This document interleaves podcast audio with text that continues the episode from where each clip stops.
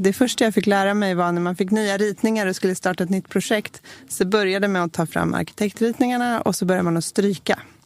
Så tog man bort allting som var dyrt och tänkte det här kan vi göra billigare på ett annat sätt.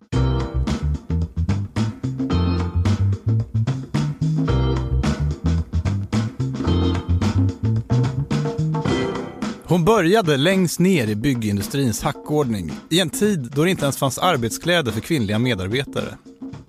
Med åren betraktade hon hur branschen offrade både hållbarhet och arkitektur i ett försök att hålla byggkostnader nere och vinstmarginaler uppe. Men till slut tänkte hon, det här kan jag göra bättre själv. Och åtta år senare omsätter hennes byggbolag över 100 miljoner kronor. Det här är podden Min första miljon. Jag heter Jakob Bursell och dagens gäst är Ingrid Westman, grundare av byggbolaget Friendly Building. Men först ett budskap från programmets sponsor.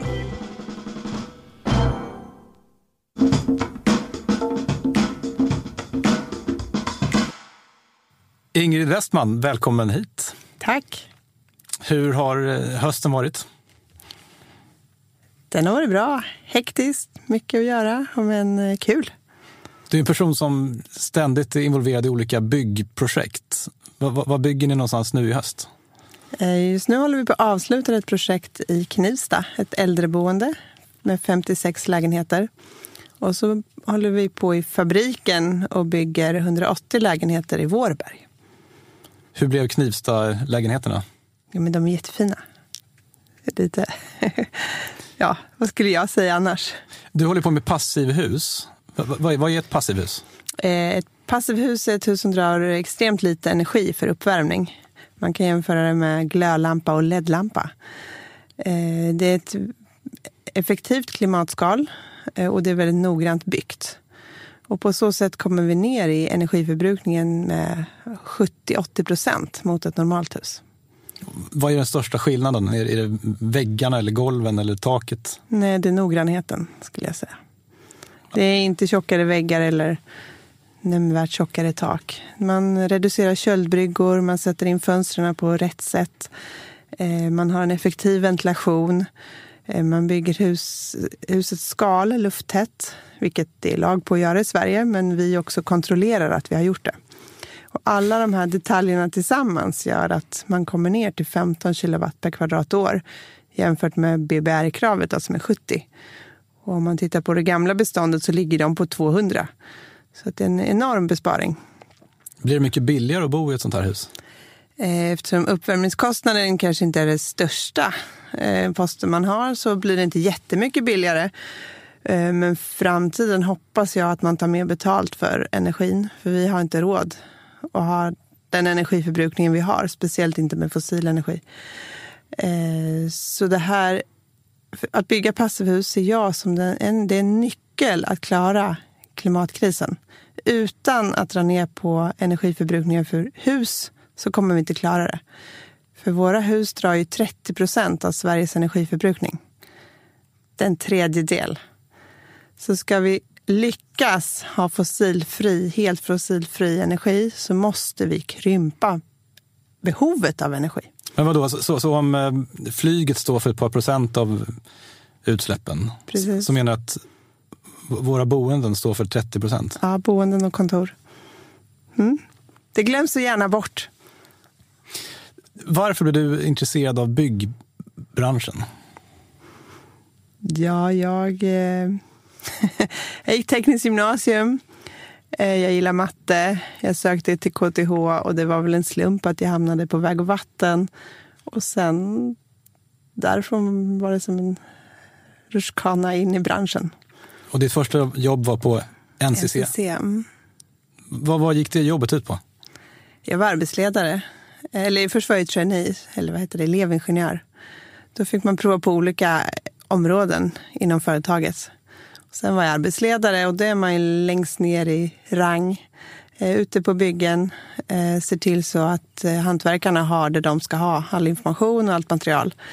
Eh, så, så, och sen var jag entreprenadingenjör också på NCC. Men sen bytte jag företag och klättrade väl lite i den här berömda trappan.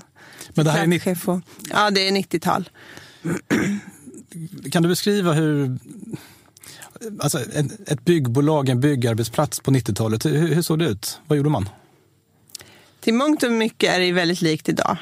Eh, det som skilde var väl lite, eh, tycker jag, eh, att det var inga tjejer alls och det var en otroligt machokultur.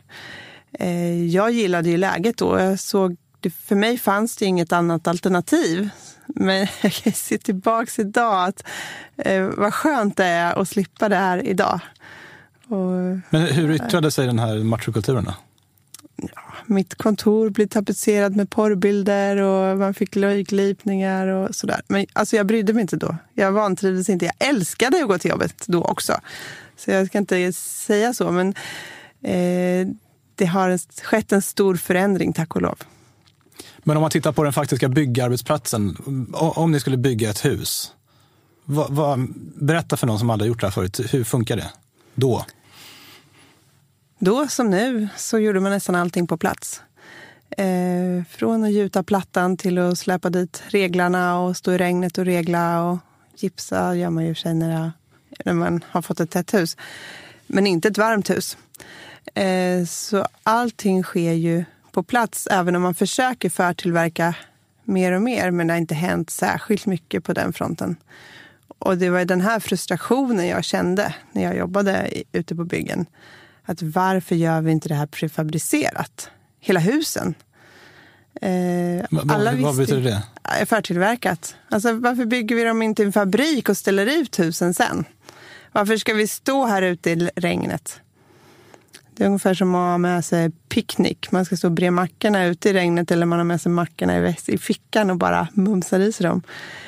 Det är väldigt mycket jobbigare att göra dem där ute. Och så kan man ge sig sjutton på att man glömde smöret eller något annat. De måste åka och hämta. Så det är ju så otroligt mycket effektivare att bygga en fabrik. Mm. Eh, och det var så jag startade mitt företag. Mm. Att jag, ville, jag ville bygga prefabricerat, alltså helt förtillverkat. Eh, jag ville bygga passivhus, för jag förstod inte varför vi inte gjorde det i Sverige heller. Det har funnits i Tyskland i 30 år och det kommer liksom inte till Sverige. Eh, och sen så ville jag värna god arkitektur. Det var de tre eh, sakerna som jag brann för när jag startade företaget för sju, åtta år sedan.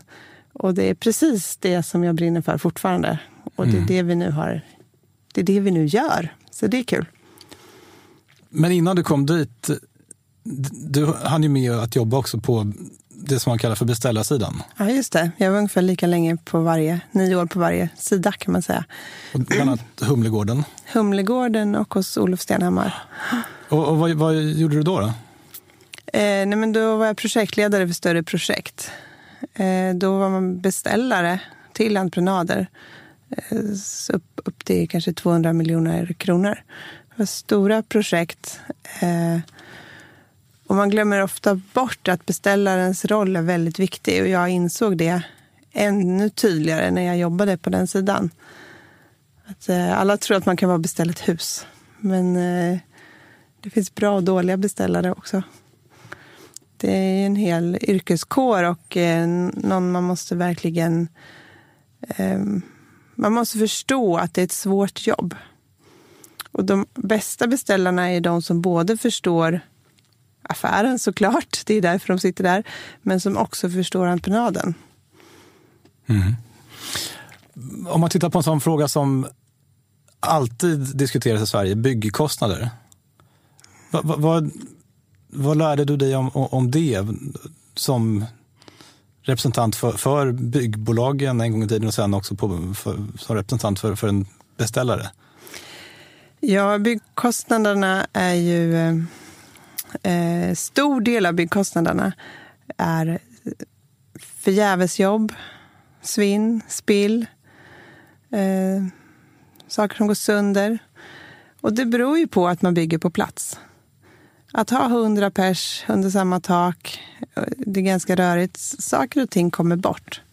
För att inte tala om saker som kommer bort i transporter eller som kommer fram trasiga och det blir väntetider. Så man säger, ja, man sa redan när jag gick i skolan och man säger fortfarande att ungefär 30 procent av byggkostnaden är svinn och spill och förgävesjobb. Så, eh, ja, så att bygga en fabrik gör ju att man kan dra ner den här kostnaden ganska rejält. Men är det slarv det här eller är det något annat? Oförutsedda händelser? Eller? Ja, slarv. Har någon någonsin byggt ett IKEA-kök själv hemma och insett att man har glömt att köpa en grej? Man har mm, fel skruvmejsel. Alltså det är hela tiden något man måste åka och skaffa. Eh, så jag skulle inte säga att det är slarv. När jag var platschef eller arbetsledare, vi försökte ju verkligen undvika allt det här med alla konstens medel. Men det, det går inte. Så fort man är ute på ett bygge och det är många människor som ska samlas på en liten yta, olika arbetsuppgifter, så, så är det stora svårigheter. Och det är då de här kostnaderna uppstår. Mm. En annan fråga som jag upplever att eh, folk engagerar sig av, det är ju det här med gestaltningen och hur husen faktiskt ser ut och arkitekturen. Där kan man ju inbilla sig ibland att det är ganska likriktat. Va, va, varför har det sett ut så då, genom åren? Eh, när jag jobbade på NCC som nyexad, det första jag fick lära mig var när man fick nya ritningar och skulle starta ett nytt projekt, så började med att ta fram arkitektritningarna och så började man att stryka.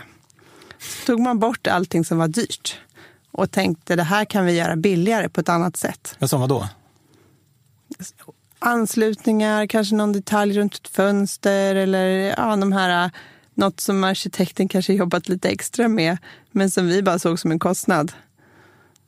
Men byggherren hade inte någonting att säga till om det här? Eh, det beror på vilken upphandlingsform. Men en totalentreprenad och den inte är styrd, då har man inte så mycket att säga till om. Ehm, sen när jag var på Humlegården så insåg jag ju värdet i att ha vackra byggnader. För då var det lågkonjunktur och det var våra fina hus som hyrdes ut eller som fortfarande var uthyrda, medan de fulare var de som stod tomma. Ehm, plus att jag gillar ju vackra saker och jag älskar att gå i städer med, med hus man blir glad av. Och hus som man blir irriterad över eller som man tycker verkligen inte säger någonting, de önskar man att de inte fanns. Så ja, i ett hållbart samhälle så tror jag att man måste bygga vackert för att ha saker kvar. Man får en längre liv, livslängd. Med de här erfarenheterna ehm, med dig så bestämmer du dig för att du ska starta ett eget företag. Ja, precis så. Och vad är det, vad är det första du gör? Jag testar. Eh, först tänker vi ut hur det här skulle kunna gå till. Eh, men jag är liksom en doer, jag vill se det i verkligheten. Så vi testar att bygga en villa det här systemet som vi har tagit fram är tänkt för att bygga fler, fler bostadshus och flervåningshus. Men vi testar med en villa för att eh, ja, kunna se att allting fungerar, att det är som vi har tänkt oss. Eh, att samarbetet fungerar mellan fabriken och mig och sådär. Men du ser ett system, vad är det för system vi pratar om? Eh, vi bygger av volymelement.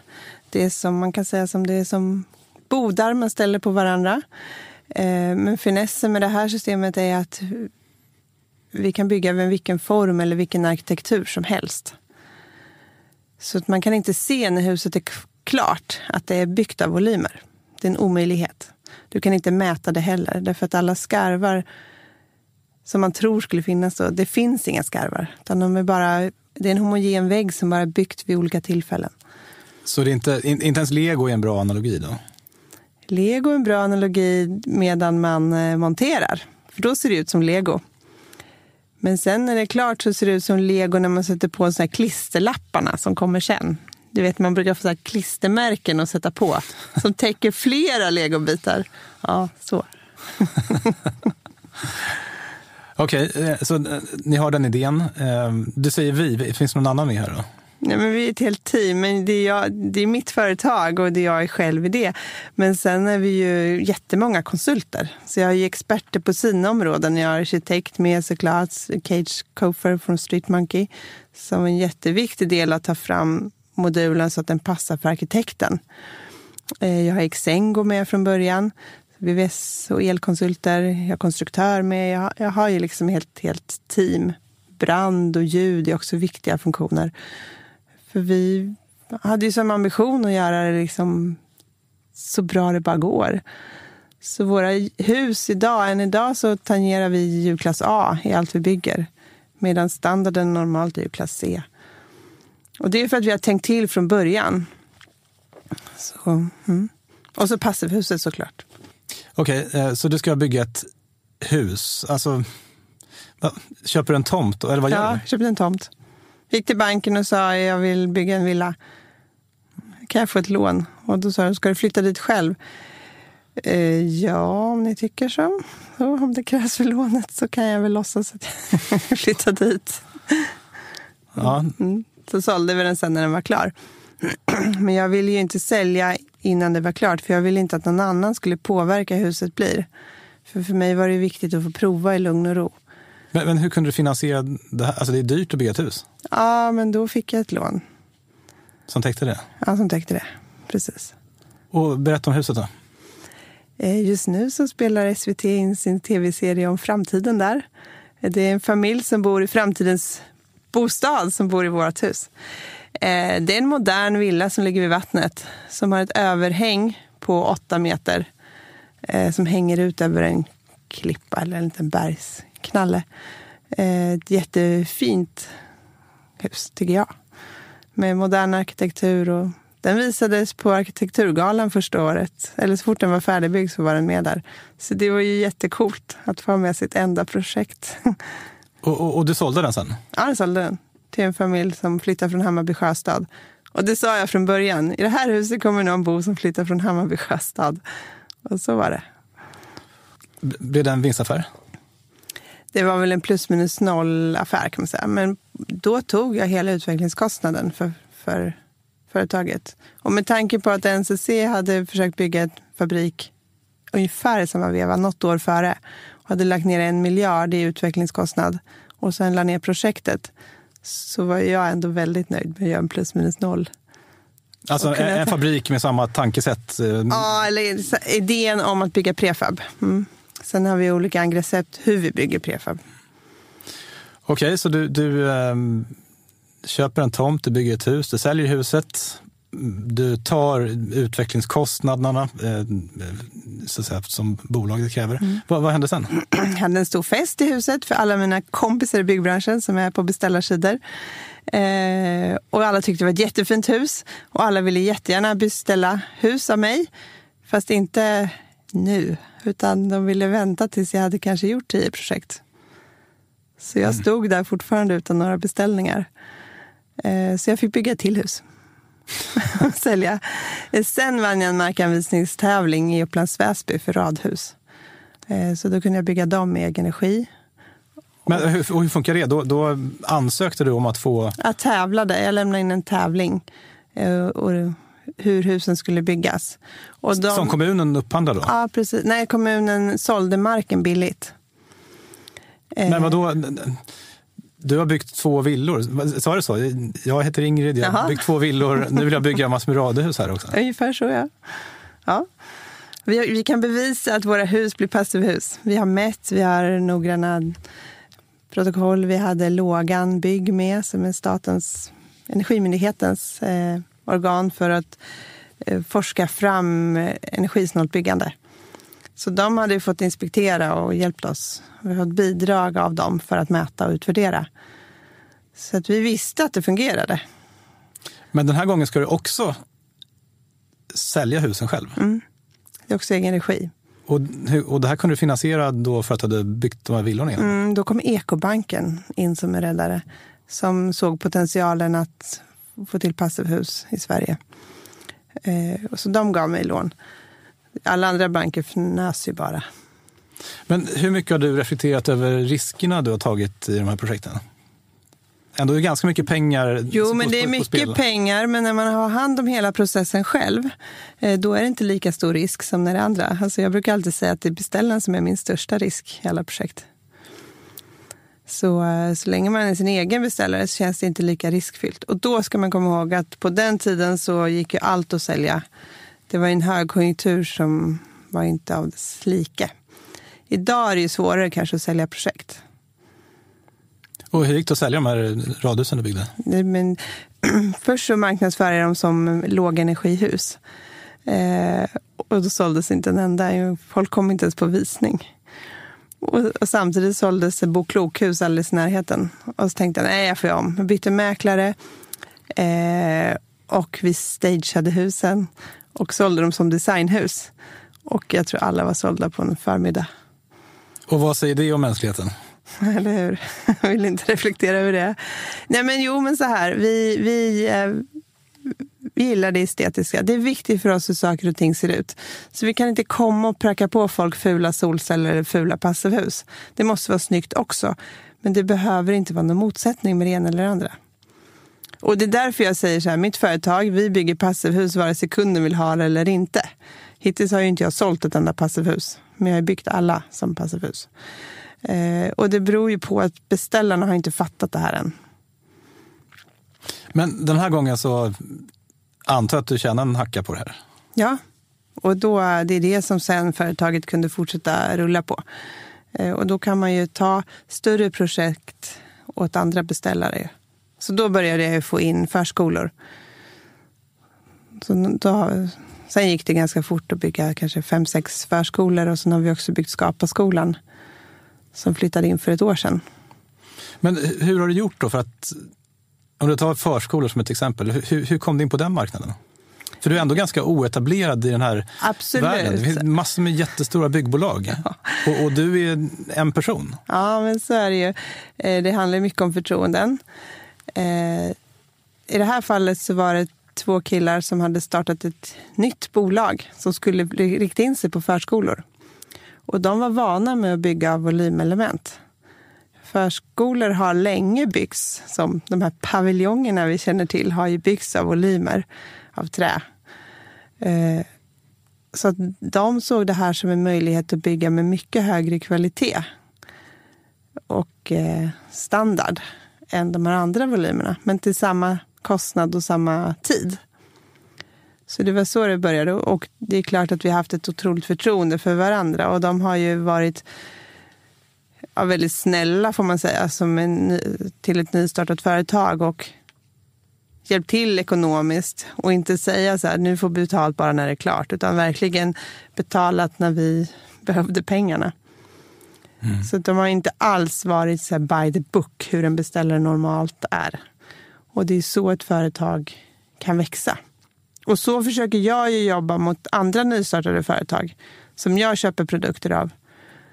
Också stötta dem. För att, för att vi ska klara klimatkrisen så måste vi få in nya nytänkande företag och nyetablerade företag som har lyckats göra något helt annat. Och det är inte lätt att vara ny. Alla går bara och väntar på att de ska ha liksom en stor eh, erfarenhet och en stor orderstock bakom sig. Någon måste börja liksom. Om man läser om dig eh, så förstår man ju också att du har ju också en fabrik i Polen där du bygger de här elementen, legobitarna som sen används i husen. Just det. Och hur kom den till? Eh, ja, men det var ju en slump. Människor möts av alla möjliga olika orsaker. Så jag träffade några som ville starta en fabrik. Eh, och de köpte ett, ett, en stålfabrik där man alltså tillverkade detaljer, svåra detaljer av stål. Just då var det väldigt hett att tillverka till oljeplattformar. Eh, det fanns ju väldigt mycket stålarbetare i Polen för de hade en stor varvsindustri tidigare och nu var de arbetslösa eh, med en hög kompetens. Och de flesta flyttade utomlands. Men några ville ju inte flytta. Så att, eh, de haffade man då i den här fabriken. Och sen har man anställt snickare och målare och kakelsättare också. Men, men är det här din fabrik eller samäger ni den? På Nej, jag äger inte fabriken utan de är ett bolag och jag är ett bolag. Så nu håller vi på att fundera på hur vi ska göra framöver. Men just nu är vi varsina bolag. Men för att få en bild då av hur det här byggsättet fungerar. Va, va, vad gör de på, på fabriken? Där? De svetsar ihop en stålstomme. Sen lägger vi in ett bjälklag. Förut var den av betong, men nu har vi utvecklat så vi kan ha den av trä. Eh, sen drar man alla installationer, man bygger alla innerväggar, man reglar upp ett golv, man kaklar badrum och bygger köken klara. Eh, så när huset kommer till, när legobitarna kommer till Sverige på lastbilar, eh, då är de klara till 80 procent kan man säga. Det, det, det kommer ett badrum? Det kommer ett, ett helt en halv, det kommer en hel lägenhet ibland. Om den är liten. Annars kommer det lägenheter i beståndsdelar. Men badrummet är alltid färdigt. Den ligger alltid inom samma modul. Men vardagsrummet kanske ligger i två moduler och byggs ihop. Och sen så ser man ju till så alla skarvar försvinner. Så du kommer inte, när du sen går i ditt hus så har du ingen aning om vart det var delat tidigare. Men en, en, eh, säg en, en förskola, hur många legobitar består den av? Mm, kanske 40, 50. Vi monterar en förskola på tre till fyra dagar. Ja. Okej, okay, så det blir förskolor. Mm. Vad, vad har du mer byggt? Eh, skola. Skapa skolan är vi väldigt stolta över. Där har vi fått fria händer att designa eh, liksom utifrån vad modulerna kan. De har ju en väldig flexibilitet i vårt byggsystem. Så det coola där är att man kan överhuvudtaget inte tro att det är byggt av volymelement. Det är taget till sin yttersta spets skulle jag vilja säga. Eh, och där var vi nominerade för Årets bygge också. Nu vann ju Nya Karolinska laboratoriet, eh, värdevinnare, men det var ju häftigt att få vara nominerad i alla fall. Sen så när det är äldreboenden, bostäder, alltså flerbostadshus, hyresrätter. Och det vi gör nu är att vi bygger på, i Vårberg, så bygger vi på från våning sju och uppåt. Vi bygger på tre våningar till. Så vi tillskapar 180 nya lägenheter precis vid tunnelbanan. Men om, om, om, din idé från början var då att du ska bygga eh, fina hus, alltså ska vara fina att titta på. Eh, det ska vara passivhus, alltså de ska dra, vara väldigt energisnåla. Och de ska dessutom vara billiga att bygga. Mm. Det, idén, den ekvationen upplever jag kanske inte var så lätt att få ihop tidigare, eller? Nej, det var det alla sa var problemet. Att man kan inte bygga passivhus billigt, vilket jag bevisat är en myt. Eh, man kunde inte bygga fina passivhus, för alla arkitekter, nu drar jag alla över en kam, men gemene man i kåren tyckte att passivhus var fula fyrkantiga lådor med små fönster. Vilket jag också nu bevisat det var fel. Eh, och passivhus och prefabricering har hittills inte gått att få ihop på grund av att skarvarna inte gick att få tillräckligt täta. Eh, så att, ja, allting stod i motsatsförhållande till varandra. Även prefabricering och god arkitektur tycker man ju hade ett motsatsförhållande. Men, alltså, men när du nu bygger då ett, ett passivhus som är vackert, är det också billigare? Men hur, hur ser priserna ut i förhållande till vanliga traditionella byggbolag? Ja, eftersom jag aldrig får sälja ett enda passivhus, alla projekt jag får är till lägsta pris.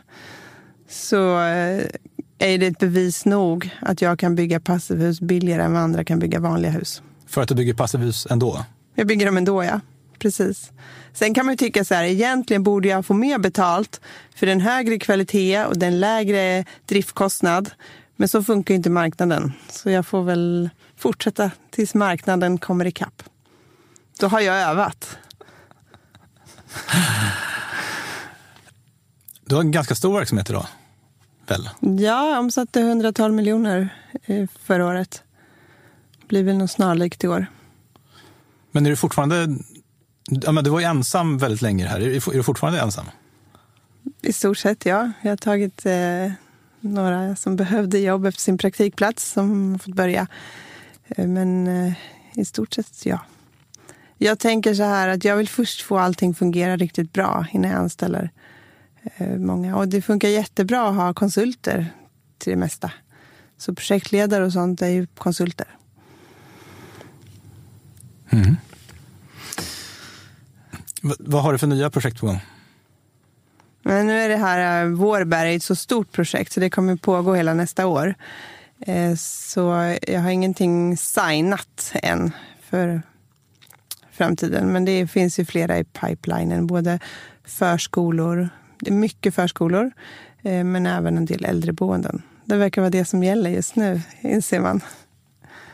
Men, men är det så att eh, du kan helt enkelt inte ta på dig mer för att du har bara en fabrik? Är det lite den logiken som styr? Ja, lite så. Eller jag har inte velat ta på mig för mycket.